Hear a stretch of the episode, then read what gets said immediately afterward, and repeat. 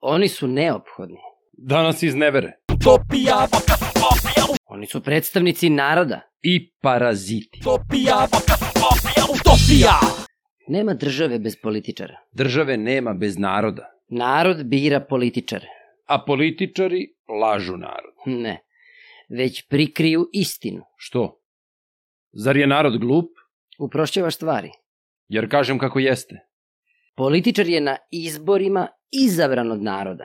I redko kad ispuni obećano. Kao predstavnik ima najbolji uvid u šta je najbolje. Da uradi da bi ostao na vlasti. Zato se istina izokrene zbog boljitka države. Još ako laž slučajno ide u prilog njima ili stranci, E, to može da tvrdi samo opozicija. činjenice nemaju veze sa političkom stranom. Ali imaju veze sa željom da se svrgne vlast. Pre bih rekao da se kritikuje vlast. Da bolje radi za narod. Ili da se podriva vlast i oslabi država. A po tebi političar je bog koji se ne dovodi u pitanje. A po tebi, opozicija je politička organizacija koja ne mari za vlast, Političar na vlasti je dužan da opravda poverenje. što se proverava na sledećim izborima. Utopija, Zato svaki slaže da ne trepne kad dođu izbori. Gledaš suviše lično. A kako nije lično? Kad utiče na naše živote. Pa to je sve igra, kao šah. A mi mu dođemo pioni. Ali mi ne vidimo širu sliku. Ali je osjećamo direkt na koži. A što se onda ti ne kandiduješ? Ja ne umem da lažem. Vidi, ako moraš da slažeš da bi za državu bilo bolje, Misliš, kao kad kažu neće nikada biti sa onima do prve matematike posle glasanja. kako usko gledaš je, kao konj. Baš ti hvala. Ajde, objasni mi. U politici nema ponosa, važna je korist samo za državu. Nekako se ta korist za državu usmeri na fotelje, resore, ministarstva. To su klasična nagađanja. Pa onda firme nečije sestre, majke, brate, ujaka dobije na tenderu posao sa državom. Hm. Toga je uvek bilo i I biće. zato ne želimo političare.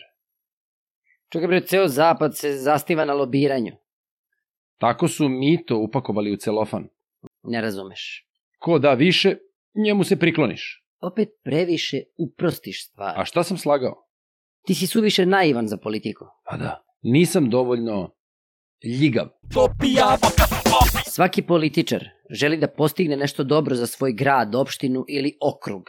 Možda je zato poželeo ili poželela da uđe u politiku Dobar političar je onaj koji se brzo adaptira na stanje na sceni. i još brže menja ideale. Ja bih to nazvao objektivnošću. A pa da. Objektivno promeniš stranu. Tako Znači, lako kritikuješ druge. Zato što sam spreman i da usvojim kritiku. Kritika nije uvek dobronamerna. Ali ako se vrednuje po tome sa koje strane dolazi, Daj bre, moraš da budeš fleksibilan.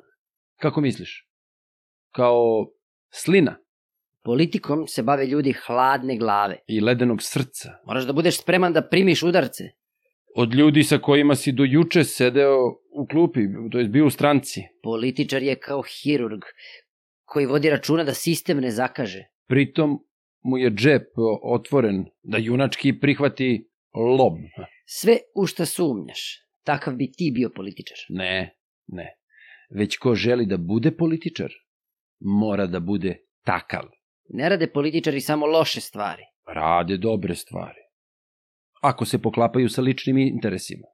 Razbacuješ se floskulama. Političar iz opozicije laje na vlast, a kad osvoji vlast, postaje slep na iste zamerke. Zato što nije znao kakva je situacija iz ugla vlasti. A što onda političar koji s vlasti postane opozicija, ne gleda s razumevanjem na novu vlast?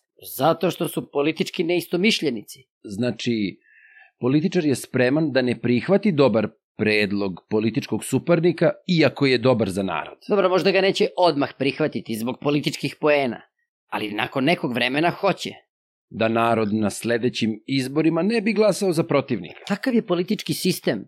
Ne, ne, ne, to je političko licemerje. Zašto? Kad moli za glas, obećava kule i gradove. Ma daj, bre, to su samo mehanizmi privida koji hipnotišu glasače. A da bi sačuvao vlast, jebe mu se za narod.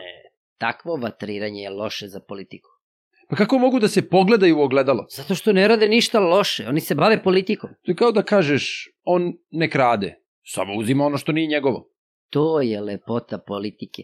Može, more da se priča o problemima. Ti si izgleda rođen za politiku.